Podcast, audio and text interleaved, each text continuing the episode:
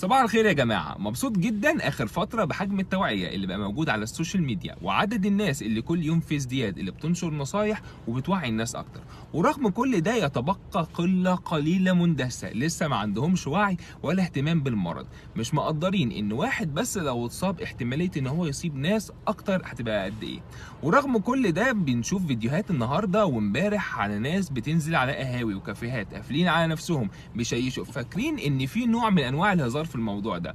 أعتقد إن كل واحد فينا كبر وبقى عنده الوعي وال... والإدراك إن هو يبطل يعمل أفعال مستهترة زي دي. فاكرين إن الناس هتجري وراهم تضربهم على إيديهم مستنية إن الشرطة تقول لا يا حبيبي غلط كده. محدش دلوقتي هينفع حد غير نفسه. ومن هذا المنطلق فكرت في فكرة بسيطة جدا. إحنا شعب جميل بيحب الفضايح وبيسعى دايما في الخير. كل ما حد فينا ينزل صيدلية أو سوبر ماركت بحكم إن هما الاثنين دول بس اللي هيبقوا فاتحين الفترة الجاية ولقى كافيه أو قهوة فاتحين والناس متجمعة وبيشيشوا بيعملوا أي أفعال غلط مجرد فيديو بسيط دون الاختلاط إنك أنت تتكلم معاهم ولا تقول لهم حاجة ولا تدخل في clash ولا في صراع ولا في خناقة معاهم. فيديو بسيط تصوروا نزلوا على السوشيال ميديا اكتبوا فيه المكان والعنوان وإحنا شعب بيحب الخير وبيسعى فيه كلنا هنعمل share تاني يوم مش هنلاقي المكان ده.